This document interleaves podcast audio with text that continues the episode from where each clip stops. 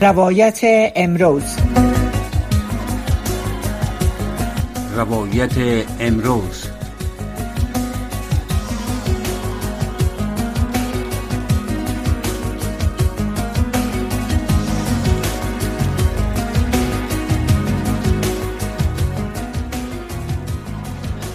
شنونده عزیز و بیننده محترم ما در ماهواری صدای امریکا. خوشحال هستیم که با ما هستیم. برنامه رادیو آشنا صدای امریکا با برنامه روایت امروز ادامه داره. همونطوری که از چند هفته به این طرف شما میشنوین ما روزهای یک شنبه و دوشنبه به مطالب فرهنگی اختصاص دادیم در مورد شعر، ادب، هنر، تئاتر، موسیقی و همه زوایایی که در افغانستان امروز به شکل امکانش نیست. ممکن نیست که دوج ای هنرمندا آزادانه بتانن فعالیت بکنن. امروز مهمان ارجمند و گرامی داریم از شهر نیویورک. خانم زرغونه رفا هنرمند شناخته شده و سرشناس رادیو افغانستان تئاتر افغانستان و سینمای افغانستان. ما افتخار زیر داشتیم که سالهای زیادی با زرغونه جان همکار باشم و از قدرت هنرنماییش بسیار چیزا رو ما مختیم. بسیار به شما خوش آمدید میگم. زرونه جان رفا. سلام جان. ما هواتر از همه. سلام های گرم و پر محبت خدا خدمت خودت احد جان. و همه بیننده ها و شنونده های پروگرامتان تقدیم می دارم و همچنان یک سلام جداگانه و گرم خدا خدمت تمام همکاران عزیزم که در هر نقطه دنیا تشریف دارند. تقدیم می‌کنم. بسیار ممنون. حالا ما باید شما را سرانه جان رفا گردش بگویم. برزی که شوهر شما هم یکی از ممثلین تئاتر افغانستان. ممثلین بزرگ تئاتر افغانستان هستند که متاسفانه با شرایطی که در افغانستان آمد ما همه مجبور شدیم افغانستان رو ترک بکنیم. از شما بازم تشکر می‌کنم. از خودت جان. تشکر از خودت که ما را یادآوری کردین یاد کردین. زنده باشه از گفتنی ها زیاد است؟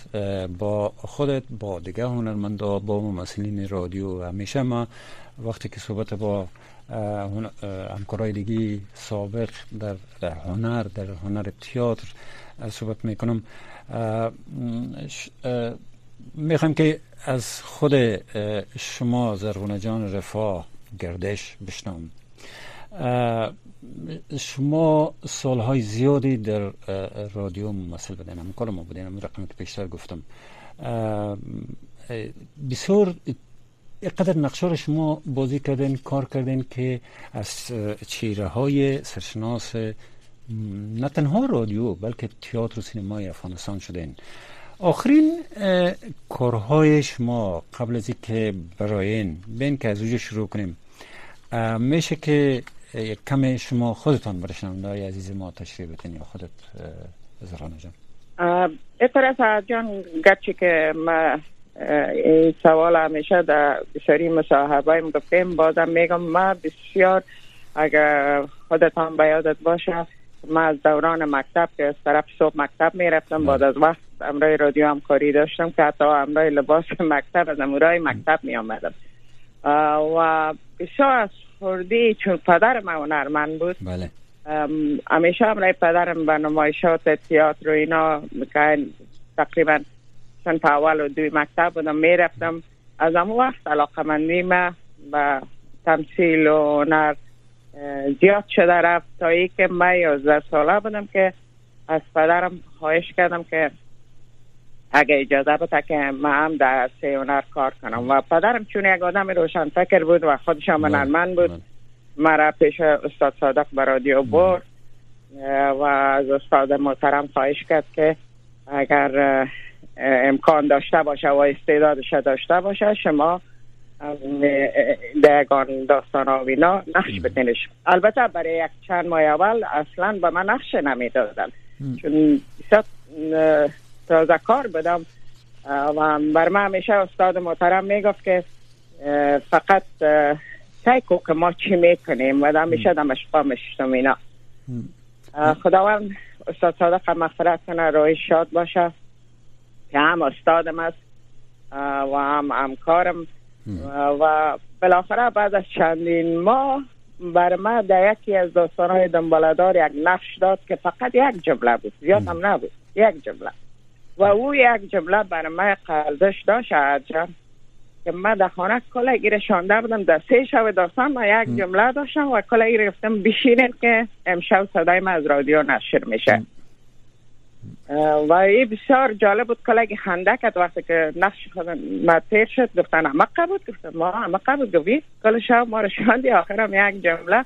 اما چون ما قلاقه مندی داشتم که یک جمله و ما ارزش بسیار زیاده داشت بله. و اما بود که بعد از او دیگه باز بسیار دیگه تقریبا اگه بگویم به صدا داستان و درام و ورچه های تمثیلی و کنن جوند و زراعت و همه پرگرام های هنری که در رادیو بود من نقش داشتم کار کردم تقریبا ده یازده بله. سال من رای رادیو هم کاری داشتم و وقتی که مکتبم خلاص کردم به طور رسمی به عیس پرودوسر درامای شبای جمعه رسمی مقرر شدم سلام.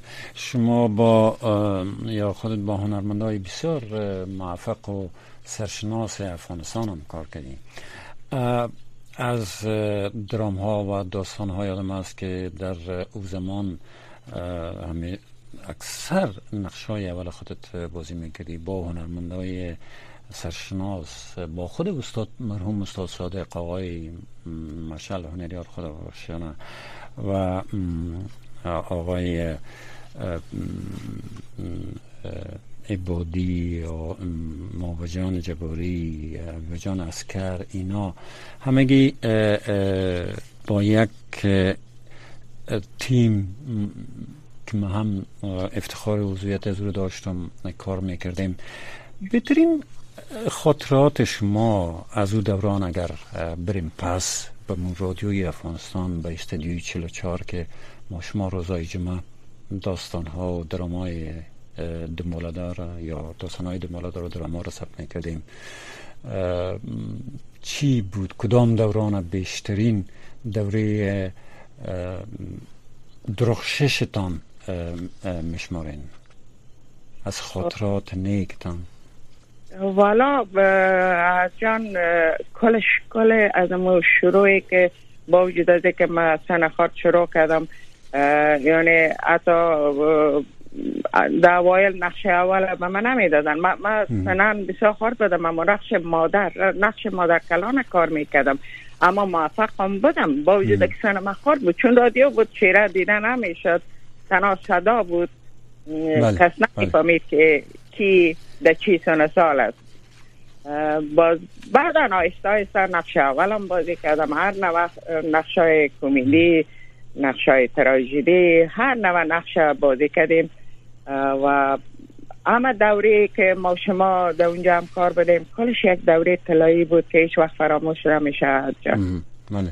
راست میم ما واقعا بهترین خاطرات خود از اونجا دارم. من مثل مثل خودت و دیگه هم کارا شما مثل یک فامیل بدیم بله. اصلا ما دخانه کم بدیم امی کل وقت ما همراه امی همکارا بود و این همکارا همشان ما همه ما مثل اعضای فامیل یکی دیگه بودیم. همه با هم صمیمی همه با هم محبت بله. داشتیم. و البته رقابت های هنری در بین هر هنرمند در هر کشوری وجود داره که رقابت سالم داشته باشد. اما به حساب که همیشه یک جای بدیم گفته شما که حتی ما روز جمعه که روز رخصتی بود امورم برادیو بدیم بله بله. روزای جمعه یادم میاد 144 که ما شما ثبت می‌کردیم. خاطرات بسیار بسیار خوب با نویسنده های او زمان و دوران دراما داستان هم داریم.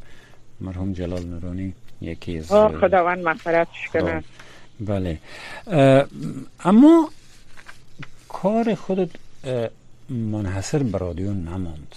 استعداد خودت که یک از یک خانواده هنرمند به رادیو پاید کشیده شد و تئاتر هم برداشت اولین کار تئاتر خودت در اون زمان میشه که برشان از ما مال که چی وقت شروع کردی کار تئاتر و یک مقدار ما می‌خواستم در ختم هم از در مورد رفاس بزرگ هم صحبت بکنیم و گردش سبم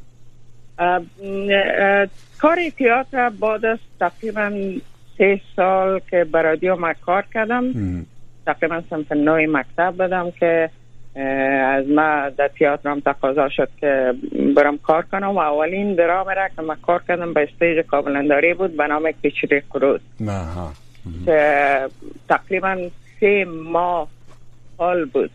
درام بسیار تماشاچی داشت و بسیار مردم خوش کرده بودن. و بعد از با چندین نمایشات و درامای دیگر هم روی stage کابل ننداری و American Center کار کردیم. با کدام director های معروف کار کردین؟ مرحوم جلیاوی بودن ما درامای که کار کردم director ش استاد بیست بود بله دکتر فرهان بود و ستار جفایی بود آقای جفایی باز زیاد زیادتر در مرکز فرنگی سفارت امریکا هم همونجا هم بودن اما کابلنداری هم به سه درام همی کشر خروت هم دایرکترش همونا بودن بله درام سه ماه مکمل شما این درام نمایی شدین اول خب آفرین به وصلیتان هر شب با سه کار جا مکتب می‌رفتم رادیو پیشین می آمدم با شب می‌رفتم نمایش می بود کار آسان نیست کار ساده نیست. ما به یقین کار بخشی از کار تئاتر و رادیو و اینا را که میفهم همش بسیار ریاضت کار داره شما چطور, چطور برابر می‌کنین که هم رادیو برین هم مکتب برین هم شب تئاتر برین در نمایشنامه مثلا در درام کشر قروت مثلا کار کنین یه قدر قوت و انرژی را از کجا پیدا می‌کنین از شوق علاقیتان از از آتشی که بود جان کلش روی علاقه بود اصلا احساس خستگی نمی‌کردم باور کنین قدر به شب کار می‌کردم به چیز که علاقه آدم داشته باشه به بسیار خوبی می‌تونه جورش کنه و وقتشان پیدا کنه انرژیشان پیدا کنه. خب با جوانی هم بود دیگه خواهی زیادتر آدم میداشته باشه در جوانی ولی آیسته آیسته. شما باز مجبور شدین افغانستان رو ترک بکنین. بله بعد از که در رادیو تلویزیون آمد پیش از او چرا شناخته نمی‌شد ما از پیش رادیو بودیم قطر هم در دل ما نبود و تیاتر هم که بود یک ایده مدوده که علاقه مند تیاتر بود می آمد بازم یعنی به حساب شناخت در بیرو غیر مکتب که شاگردای مکتب کلشان مرا میشناختن. و همیش بسیار محبت هم می‌کردن. حتی ساعت تفریره مصرفی نداشتم همیش به دورم جمع می شدن چون داستان های دنبالدار و دراما را بسیار خوش داشتن مخصوصا داستان های دنبالدار بله. می آمدن که جویا شوند که امشب چی می شقتی داستان و ما برشان نمی گفتم به خاطر که می‌تونم انتظار باشه شب بشنوی بله. اما همیش دور من می‌گرفتن کوشش می‌کردن که اگر چیز بفهمن که امشب داستان چی میشه. دیگه وقتی که تلویزیون آمد ما جواب سوال شما سر از اینکه چرا برآمدیم. بله. ما را رادیو پش می‌کرد که باید رادیو هستین باید تلویزیون کار کنیم. و من نمی‌خواستم تلویزیون کار کنم به خاطر که تلویزیون دیگه باز یک چیز بود که چهره کاملا شناخته می‌شد و در وقت یک ذره شرمشور شروع شده بود. اگر یادتان باشه سامی سایمه جان مقصودی را در سر زینای رادیو سر شود کردن بله بله بله. اما مرا بسیار ترسانده بود. باز تصمیم به شد که باید برایم چون من وقتی که می‌گفتم تلویزیون کار نمی‌کنم می‌گفتن خیلی بخی رادیو را باید اعلا کنید. باید کار کنید. گرچه که دو سه پارچه تلویزیون ما کار کردم یک دو سه اعلان بود از اشتن بانک بود یک اعلان صابون از مغازه قاری امان بود. و یک دو پارچه تمثیلی دیگه هم امرای سینه جان و آقای نریاد ما تمثیل کردیم پارچه های خارد بود. خب، خب. اما من نمی‌خواستم زیاد به تلویزیون باشم.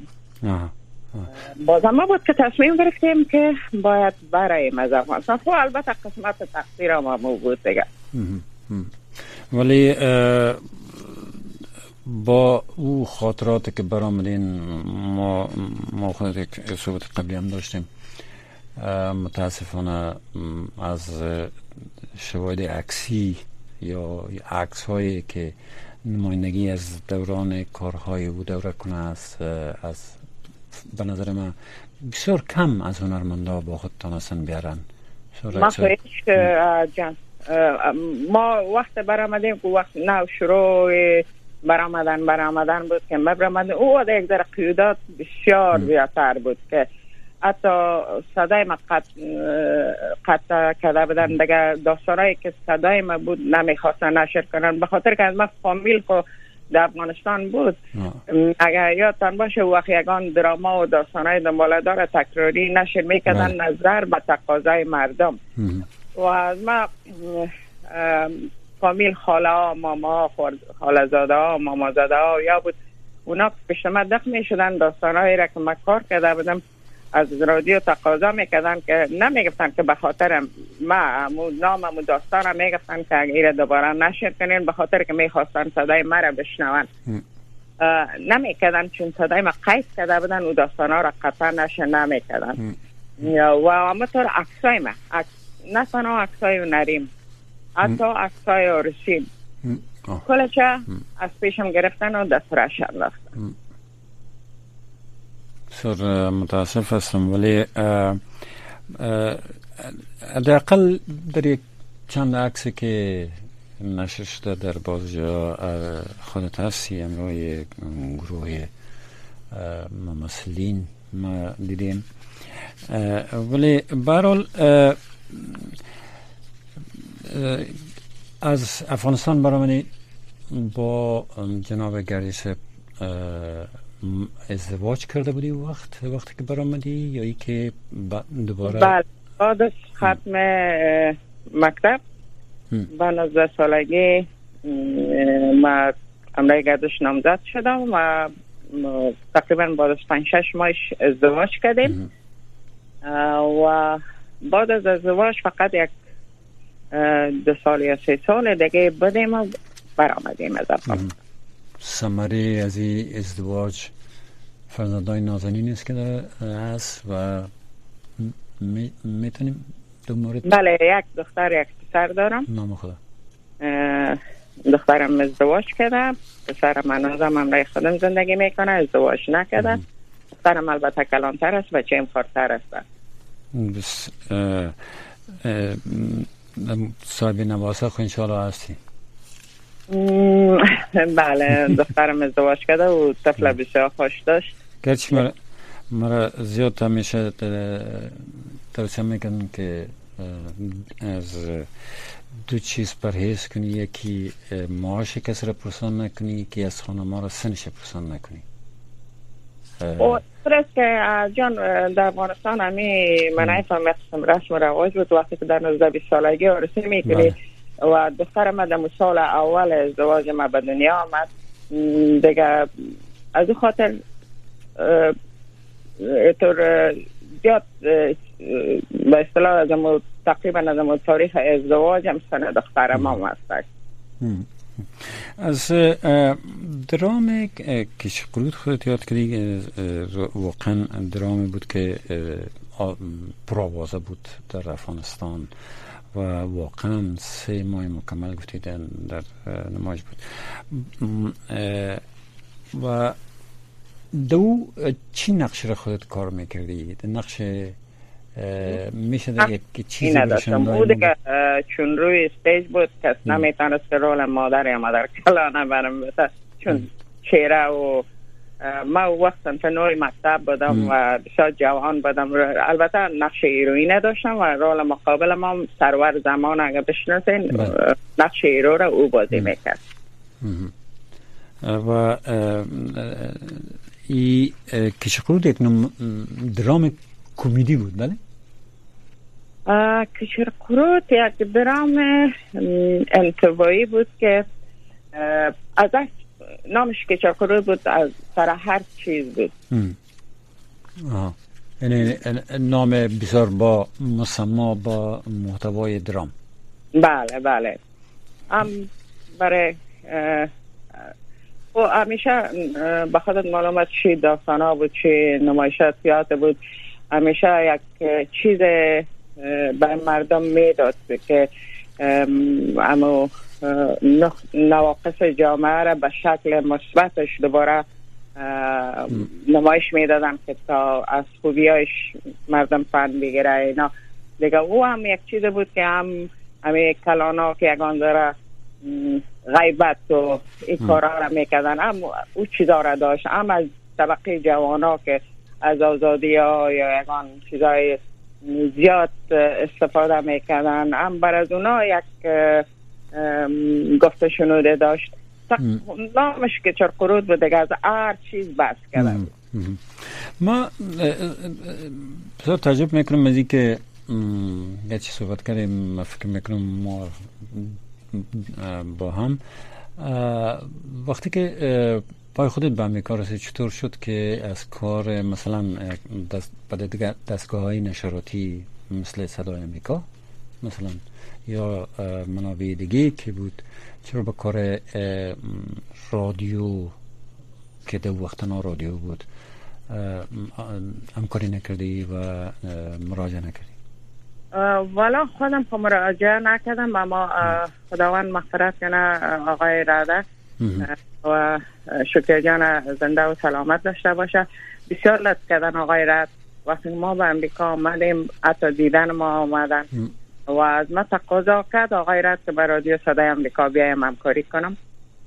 متاسفانه فاصله را بود و من نمی‌تونستم ما نیویورک بودیم و استودیوی صدای امریکا به واشنگتن بود. بله. گرچه که از ما تقاضا کرد که کوچ کو اینجا بیا همی طرف من گفتم مسافه راست من نمی‌تونم. گفت که کوچ کو من نمیترسم به خاطر که من کل فامیل اینجا بودم. من نوام آمده بودم و نمی‌تونستم که از فامیل جدا شم. دیگه با او خاطر قبول نکردم. باز بعد از او چند تلویزیون دگام تقاضا کردن. در نیویورک هیچ رسانه تلویزیونی و رادیویی نیست. از جان. همش یا کالیفرنیا است یا ویرجینیا و واشنگتن. دیگه از خاطر گرچه که تلویزیون هایی که به کالیفرنیا است حتی اونا خواستن که از طریق اسکایپ بله. یگان یک پروگرام بگیرم و در خانه ثبت کنم برشان روان کنم که نشر کنن. او را متاسفانه من نتونستم به خاطر که من مسئولیت کاری دارم میرم کار می‌کنم و وقتش نداشتم که من کار در خانه کنم. چون در خانه یک ذره خودت می‌فهمی جنجال زیادتر است. که باید همه چیز صدب کنی ثبت کنی و در پولش من نمی‌خواستم که یک پروگرام بسازم که مبتزل باشه و تنها پشت میکروفون بشینم و تلفن ها را جواب بدم. وقتی که ما شما می‌خوایم مسلکی کار کنیم؟ بله. وقتی که یک پروگرام میخوایدم بسازه و نشر کنه باید مواد پیدا کنه باید کشش بگرده زحمت بکشه. اونمو وقت من نداشتم و تو پروگرام چی نمی‌خواستم بسازم که تنها بشینم و تلفن های بیننده ها را جواب بدم. میفهم. و او قدر نقش بسیار زیادم نداره دیگه برای که تعداد زیاد از او برنامه ها فقط بله خودت چی میگی؟ نظر میست یکان دفعه شنونده از محد خط سرخی که هم دارم خارج میشن بله؟ بله در, در نیویورک شما زندگی می‌کنین اوجه کدام رسانه وجود نداره دیگه؟ یعنی شما نه متاسفانه ولی خب شما باز زندگی سیر دیگی انتخاب کردین خودتو گردیسه و زندگی شما بسیار خوبی میزه هر جایی که هر چیزی که خوش باشین شما امروز شکر تو صاحب فرزند هستین. شما در مورد گردش هم بخواستم یک مقدار برای شنونده های عزیزم معلومات بدین گردش به نامش نام بسیار آشنای تئاتر هم رقم که پیشتر گفتم بزرگ است در افغانستان اونام دیگه زیاد به تئاتر کار کرده درامای زیاد کار کرده که البته اون دراما و اینای را کار کرده کدام وقت اگر مساعد شد که خودش حاضر شد هم صحبت داشته باشه حتما براتان میگه اما مدت طولانی به تئاتر هم نقش بازی می‌کرد تمثیل می‌کرد و هم استیج منیجر کابلنداری بود. دیگه کارهای زیاد زیاد داشته سالهای زیاد کار کرده. خود خب تقریبا کل کارش در تیاتر بده بله بله, بله. و, جای افتخار من خود باشه که اگر گردش با هم یکی از برنامه همراهش صحبت بکنیم از خاطراتش از گذشته هایش از کارهایی که کردن در موردش گردش معلومات زیاد در قسمت تیاتر داره. بسیار زیاد معلومات کافی که تیاتر چطور آغاز شد چطور پیدا شد. علاوه از اینکه خودش چی نقشه بازی کرده معلومات کافی داره که براتان تشریح کنم. بله مخصوصا خود تاریخ تیاتر در افغانستان خودش یک موضوع بسیار جالب و قابل قابل صحبت است که اونا به اصلاح از ما شما کده بسیار معلومات دارن از آغازگرا بودن از کسایی بودن که بسیار بسیار نقشه را بازی کردن کار کردن با دایرکترهای بسیار زیاد می‌فهمن زرغونی جان رفا بسیار زیاد تشکر از محبتت از فیزیک آزشته نیم ساعته با ما. بریم به گذشته به گذشته های دور رادیوی افغانستان تئاتر افغانستان. ما ما ببخش پیش از که وقت ما تمام شود یک تشکری دارم از اتحادیه نرمندان افغانستان که به همکاری محترم آقای شهرانی مشتاق نوری. بود و ما را دعوت کرده بودن. امسال یک پروگرام گرفته بودن به سان فرانسیسکو.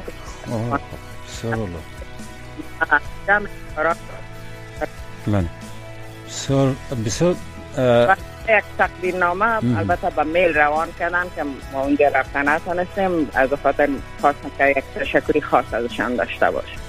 تشکر. امیدوار هستم که صدای شما را بشنن برنامه ما متاسفانه به پایان می‌رسه. فقط چند ثانیه که باقی مانده. بازم تشکر می‌کنم.